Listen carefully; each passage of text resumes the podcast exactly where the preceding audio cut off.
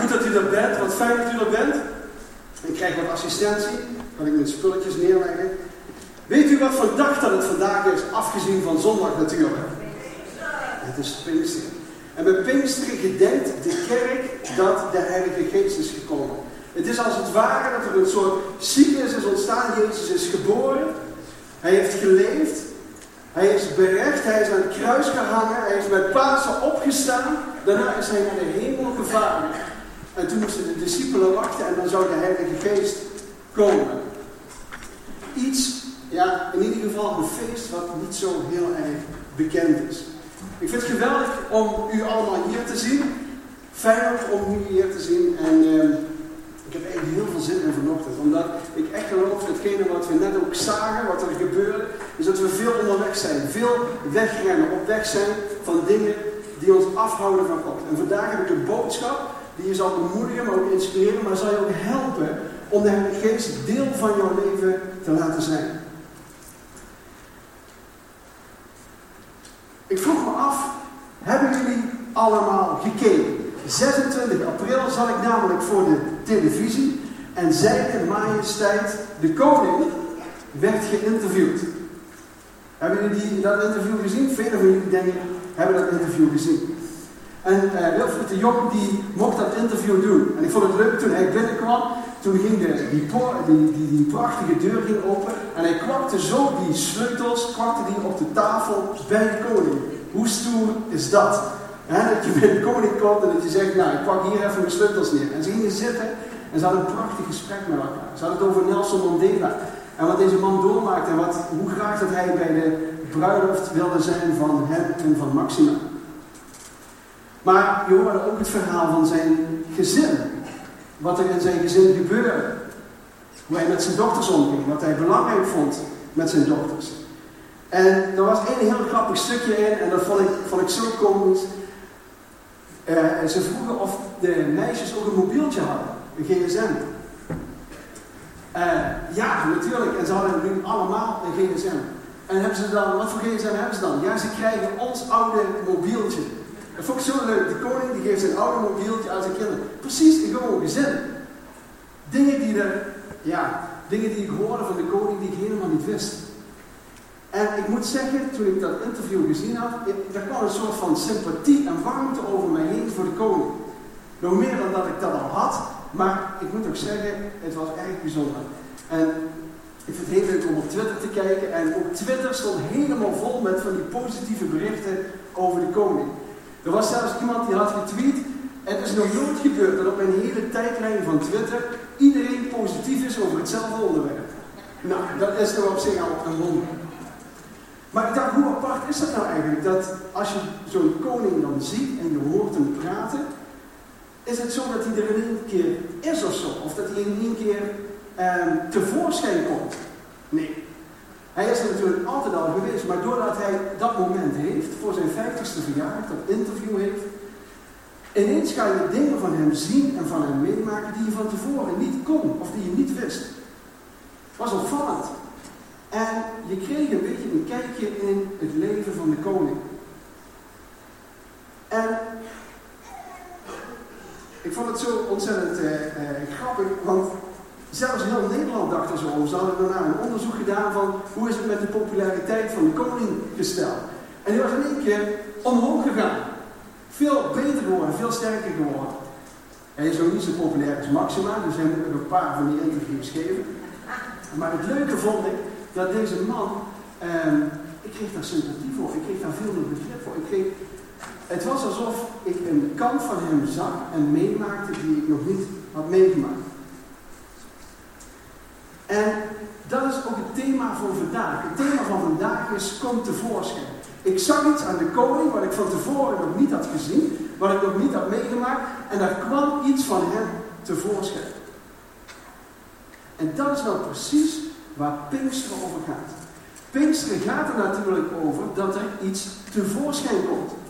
Dat God iets wil openbaren, iets wil laten zien in het leven van ons allemaal, wat hij tevoorschijn roept. En daar gaan we vandaag naar kijken hoe dat, dat is. Als iets tevoorschijn komt, dan kan dat ook een soort gevoel van opluchting geven. Oh, ineens ontdek je het. Ik kan me nog herinneren dat mijn, uh, mijn broertjes, die, die een paar jaar jonger dan mij zijn, die hadden zich opgesloten in hun speelkamer. Boven op een slaapkamer. En eerst waren de ouders ze kwijt, ze konden ze nergens vinden. En ouders, als je jonge kinderen hebt, dan weet je, als dat gebeurt, dan klopt je hart in je keel. Waar zijn ze? En ze gingen op zoek, ze gingen overal zoeken. En uiteindelijk vonden ze ze bovenop de kamer. Maar wat hadden die kopers gedaan van 4, 5 jaar? Ze hadden de sleutel van de deur omgedraaid. En de deur ging niet meer open. Rammel aan die deur, maar er gebeurde niks. En eh, draai je sleutel voorzichtig om, zei mijn moeder. Draai die sleutel daar aan de deur. Mama, mama, hoorde je aan de andere kant. Maar niks, er werd geen sleutel omgedraaid natuurlijk. Ze waren te klein, te jong om tevoorschijn te komen uit zichzelf. En mijn moeder die schoof koekjes onder de deur door, zodat ze in ieder geval voldoende te eten hadden. En mijn vader moest een ladder gaan halen. Hij had zelf geen ladder, hij moest een ladder bij de buur. En de hartslag van mijn ouders die werd steeds hoger en steeds hoger. Ik vond het wel prima zo, zo zonder mijn broers. Ik dacht, ja, dat werkt prima. En uiteindelijk ging de, de, de, het raam open, mijn vader kon naar binnen toe en kon de sleutel omdraaien. En de jongens kwamen tevoorschijn. En mijn ouders die knuffelden, die plakten ze en daarna kregen ze met de matte kloppen. Pas weer naar de oeste situatie haalde ik mijn rijbewijs tevoorschijn. En ik zag dat die acht maanden verlopen was. Ja, dit laten we niet uitleggen. Hè? Acht maanden verlopen. Ik heb meteen een afspraak bij het gemeentehuis gemaakt. En ik dacht, ik moet zo snel mogelijk mijn rijbewijs. En nu, lieve mensen, ik heb een geldig rijbewijs. Dus je kunt gewoon een botsing met mij maken. En dan hoef ik in ieder geval niet uh, bij de politie te komen voor een ongeldig rijbewijs. Maar tevoorschijn komen kan ook een soort gevoel van opluchting geven. Tevoorschijn komen kan ook zijn dat er ineens iets in jou ontdekt wordt. Dat er ineens iets in jou zichtbaar wordt wat van tevoren nog niet zichtbaar was. Misschien komt er wel, eh, tot ontdekking dat jij een talenknobbel hebt. Of komt er tot ontdekking dat jij een muziekinstrument kan spelen. Of misschien komt er tot ontdekking dat je heel goed kan dansen zoals mij. Er kunnen allerlei verschillende manieren zijn waardoor dat jij tevoorschijn kan komen. En misschien ook wel in mooie en bijzondere momenten in jouw leven. Ik kan me nog herinneren dat ik voor de eerste keer vader werd. Dat is niet zo een knop die je dan omzet, of dat is een...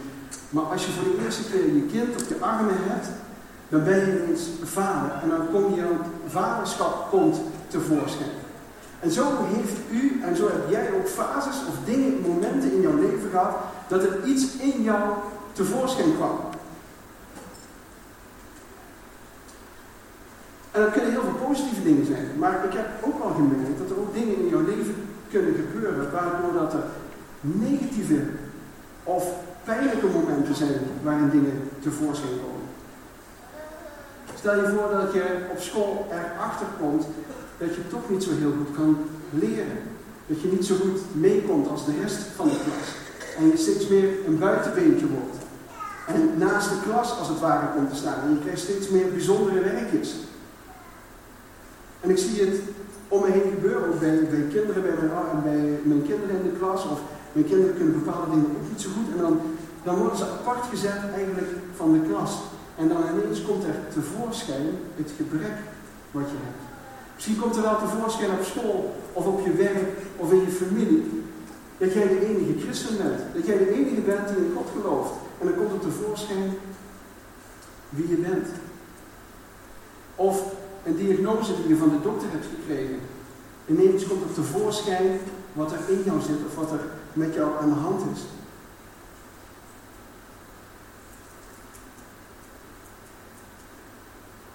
Hoe komt het toch dat het niet zo gemakkelijk is om naar voren te treden?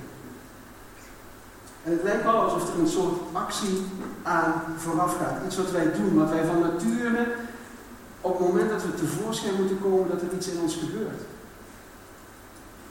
En het eerste is wat we gezien hebben, en Tim, die beelden dat prachtig uit. Tim, wat heb je geweldig gerend, man. Ongelooflijk mooi dat ik dat kon. Vindt hij het goed? Ja, ja, ja, vond ik ook. Maar, weet je wat het is? Wij kunnen wegrennen. We kunnen wegrennen van de dingen die God in ons leven heeft. Wij kunnen wegrennen van de dingen die in ons leven spelen.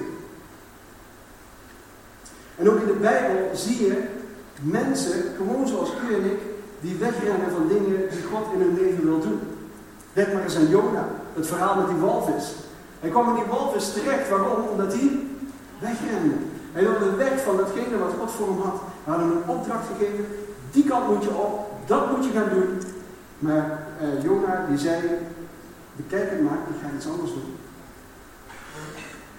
Of denk eens aan Mozes. Mozes die ook op de vlucht sloeg.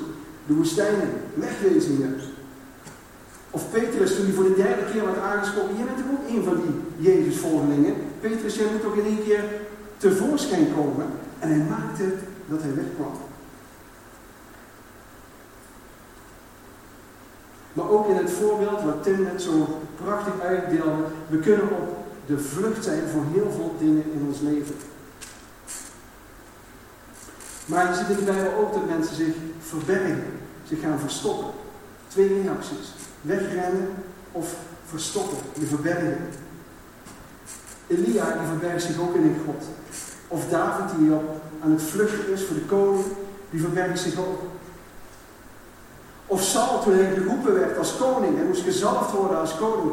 En wat deed hij? Hij verborg zich achter de koffer zodat hij niet gezien zou worden.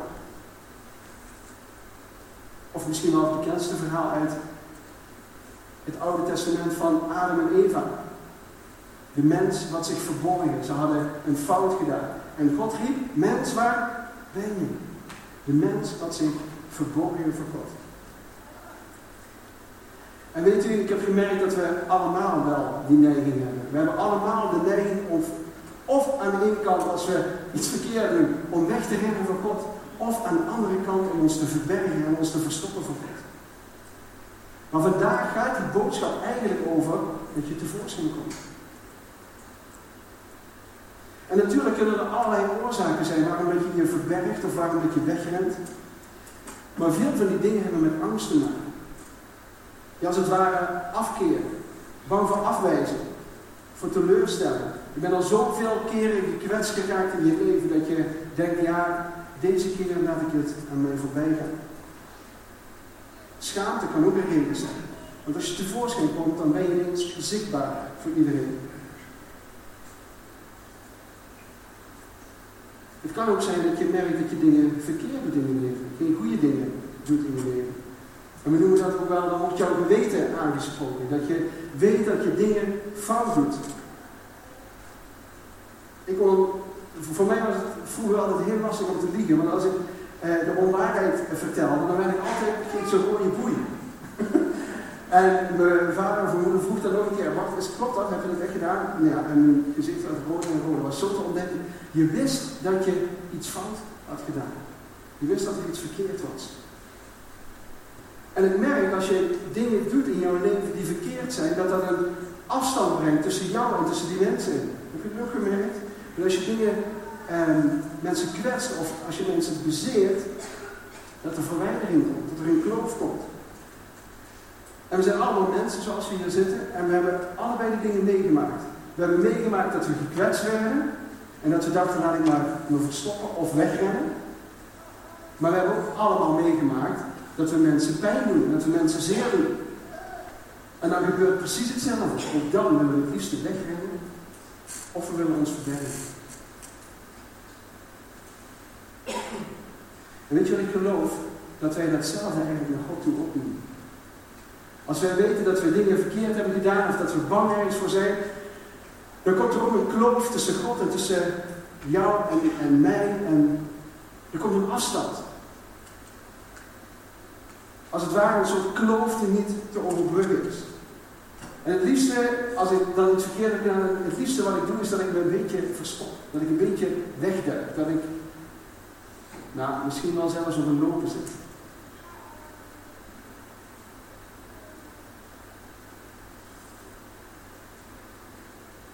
Maar dan missen we eigenlijk het doel waarom dat God God is en waarom dat Hij zijn zoon gegeven heeft.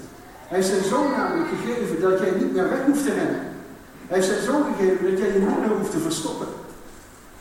Het doel daarvan was om de kloof te overbruggen die zonde heeft gemaakt in jouw leven. En het liefste wat hij wil is de kloof overbruggen zodat het voor jou mogelijk wordt om naar hem toe te komen. Je hoeft niet meer bang te zijn. Je hoeft niet meer op de vlucht te zijn. Je hoeft niet meer angstig om je heen te kijken. God staat met zijn armen wijd open voor jou en voor mij. En dat noemen we genade, lieve mensen. Dat noemen we genade, want het is genade dat wij zomaar tot God mogen komen.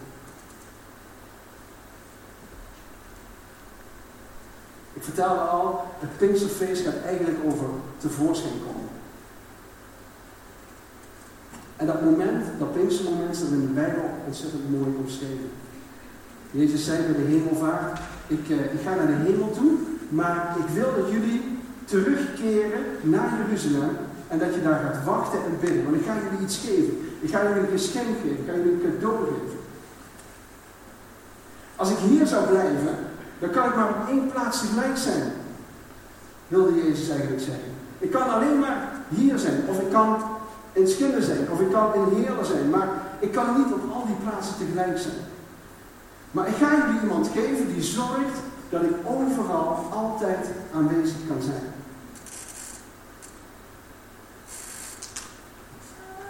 En weet je, dit is een cruciaal moment in het leven van deze mensen, maar ook voor ons vandaag. Let goed. Jezus was namelijk al die tijd bij zijn vrienden geweest. Jezus had voorgedaan hoe dat je voor zieken moest bidden. Hij had verteld hoe dat je een boodschap moet brengen. Hij had verteld over het koninkrijk, hoe dat in zijn werk ging. Hij had gezegd, kom maar achter mij aan. Ik leer jullie bidden. Ik leer alles hoe dat je het moet doen. Hij zorgde ervoor dat zijn vrienden er klaar voor waren. Zijn discipelen onderling. Ze waren er klaar voor. Ik heb genoeg gezegd. Ik heb genoeg onderwezen. Ik heb genoeg gedaan. Ik heb de mogelijkheid voor jou gegeven om het nu zelf te kunnen doen. Maar Jezus wist ook, maar dit is nog niet voldoende. Dit is nog niet genoeg. Ik heb van alles in jou gelegd. Ik heb alles, van alles aan jou gegeven. Maar ik ga jou bekrachtigen. Ik ga jou kracht geven van de Heilige Geest. Wauw. Er zat nog niet genoeg vuur in de boodschap. Er zat nog niet genoeg power in de boodschap. Er zat nog niet genoeg durf in de boodschap. En dat mocht de Heilige Geest in het leven van deze mannen doen. Dus wat gebeurde Ze zaten in een bovenzaal, eigenlijk daarboven een beetje. En ze hadden de deuren en de ramen ze afgesloten. En dan staat er dat ze samen aan het bidden waren. Ze beginnen samen te bidden en dan gebeurt het. Het gebouw, er vindt van alles plaats en er komen vlammen van vuur komen op hun hoofd. Dat lijkt me zo raar als je daarbij bent. Als je ziet dat dat gebeurt. Dat in één keer allemaal, hé, hey, wat heb jij over je hoofd? Dat lijkt me echt raar. Maar dat was een soort wonderlijke interventie van God. Daarom zijn wonderen ook niet te begrijpen, zijn ze niet te snappen. Maar ze gebeuren wel. Ze vinden wel plaats. En daar op die Pinksterzondag vond dat ook plaats. En wat gebeurde er? De Heilige Geest kwam op deze mensen. En gewone mensen, mannen en vrouwen, zoals u en ik, die ontvingen een kracht die van tevoren nog nooit in deze omvang was waargenomen. Bange mannen werden moedige mannen. Twijfelende gelovigen werden zelfverzekerde, krachtige mannen van en vrouwen van God. Mensen die eerst voorzichtig om zich heen keken of ze dan mochten bidden voor anderen. Ja, ze liepen er nu resoluut op af en ze gingen bidden voor mensen. En Petrus die eerst wegdook en wegrende, gaf daar een toespraak, een preek en 3000 mensen kwamen in één keer tot bekering. Ze hadden van tevoren Johannes mensen zien dopen. Maar nu, nu was het de tijd dat ze zelf gingen dopen. Ziet u wat de Heilige Geest doet? In één keer is er iets veranderd. Het zat er allemaal in, maar de Heilige Geest bekrachtigde zodat ze dat werk konden doen waarvoor dat ze geroepen werden. En terwijl dat Petrus aan het spreken is, en misschien gebeurt dat nu bij jou in jouw hart ook, dan begint iets op te boren bij de mensen. Er begint iets te komen. Zo van, hé, hey, maar dat wil ik ook. Ik wil die Heilige Geest ontvangen. Ik wil dat als het ware tot mij kunnen nemen. En dan staat het zo mooi in de Bijbel omschreven. Dan wil ik aan jullie voor. Dus je kunt meelezen op het scherm. En toen zij dit hoorden, al die mensen daaromheen, u en ik, werden ze diep in het hart geraakt. En zeiden tegen Petrus en de andere apostelen, Wat moeten we doen, mannenbroeders? En Petrus zei tegen hem, bekeer u en laat ieder van u gedood worden in de naam van Jezus Christus. Tot vergeving van de zonde. En u zult de gave van de Heilige Geest ontvangen. Gewoon bam. En ineens, toen de Heilige Geest kwam, kwam er een hele wijk in beweging. Er kwam een hele stad in beweging. 3000 mensen, hè, zegt, zegt de Bijbel, in één keer kwamen tot geloof. Dat groeide aan, 5000 kwamen erbij, 10.000 kwamen erbij. Uiteindelijk zijn er van die schatting van 100.000 mensen in Jeruzalem, een stad omgekeerd. Door de kracht van de Heilige Geest. Weet u, Pinkster gaat niet alleen over de uitstorting van de Heilige Geest, maar gaat ook over de geboorte van de kerk. Op dat moment werd de kerk bekrachtigd door de kracht van de Heilige Geest. Ineens kwam de kerk tevoorschijn. Mensen, mannen en vrouwen zoals u en ik, kwamen tevoorschijn. Eerst waren ze op de achtergrond, maar nu kwamen ze naar voren. Wat is nu de boodschap van dat Pinksterverhaal? Wat is nu echt de essentie van datgene wat in dit verhaal naar voren? Ik dacht, ik moet het als het ware zwart op wit zetten. Zwart op wit, zodat je precies weet waarover dat het gaat. En ik heb een dia, ik dacht, ik ga het gewoon ook zwart op wit zetten. Maar ik het leuk, is het nou wit of zwart of zwart op wit? Dan mag je zelf invullen. Maar ik dacht, wat doet de Heilige Geest nou? De Heilige Geest doet eigenlijk twee dingen in uw leven, in jouw leven. Het eerste is dat de Heilige Geest, die roept jou tevoorschijn. Die roept jou tevoorschijn. De Heilige Geest wil niet liever, niets liever dan jou zien. Hij wil contact met jou. Dat is de essentie van de relatie die God met ons wil. Hij wil liefde uitgeven aan jou en aan mij. Hij roept je tevoorschijn. En het tweede, en daar ben ik zo blij mee, de Heilige Geest geeft jou kracht. Als je denkt op het moment, ik moet tevoorschijn komen, ik ben eigenlijk bang, ik zou het liefste willen wegrennen, ik zou het op een lopen willen zetten. De Heilige Geest geeft u kracht. In alle omstandigheden zal Hij u kracht geven.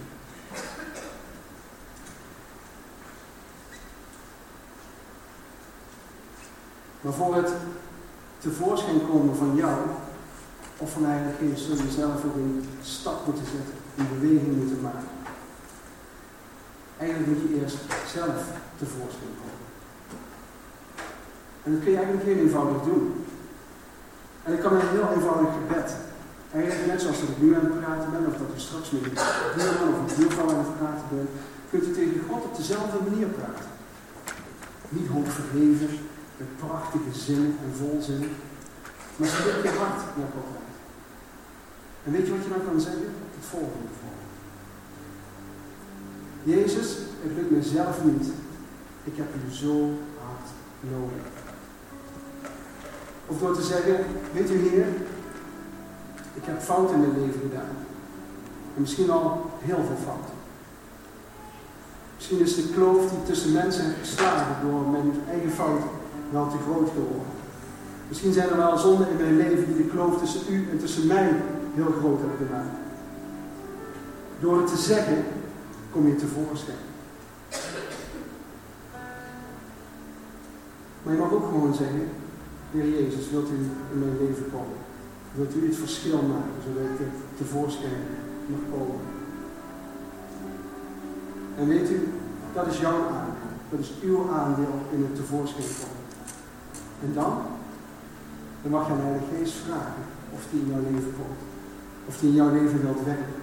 Of die jou wilt veranderen van binnenuit. Elke dag opnieuw. Elke dag een stapje meer. Niet dat je hoeft te leven als een heilige. Maar dat je mag wandelen in datgene wat God voor jou heeft. Lieve mensen, stop met rennen. Stop met je te verstoppen. Stop met je te verbergen. Dan komt tevoorschijn. De Heilige Geest roept jou en geeft jou kracht. Wat ik zo mooi vind?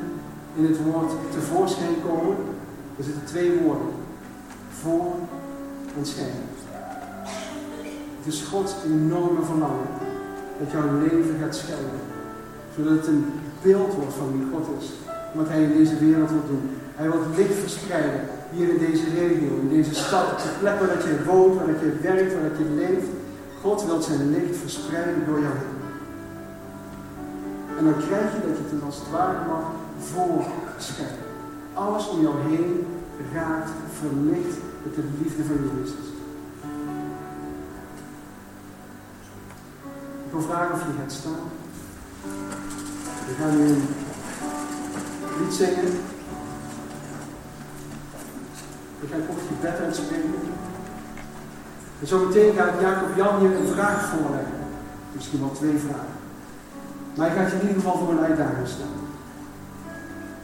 En die vraag die is aan jou gericht, die is aan u gericht en aan niemand anders. Denk even aan het moment terug dat Tim op dat podium stond te rennen. En misschien herken je daar wel. Misschien ben jij wel degene of heb je je verstopt. laat die vraag in je binnenste denken. Hemelse Vader,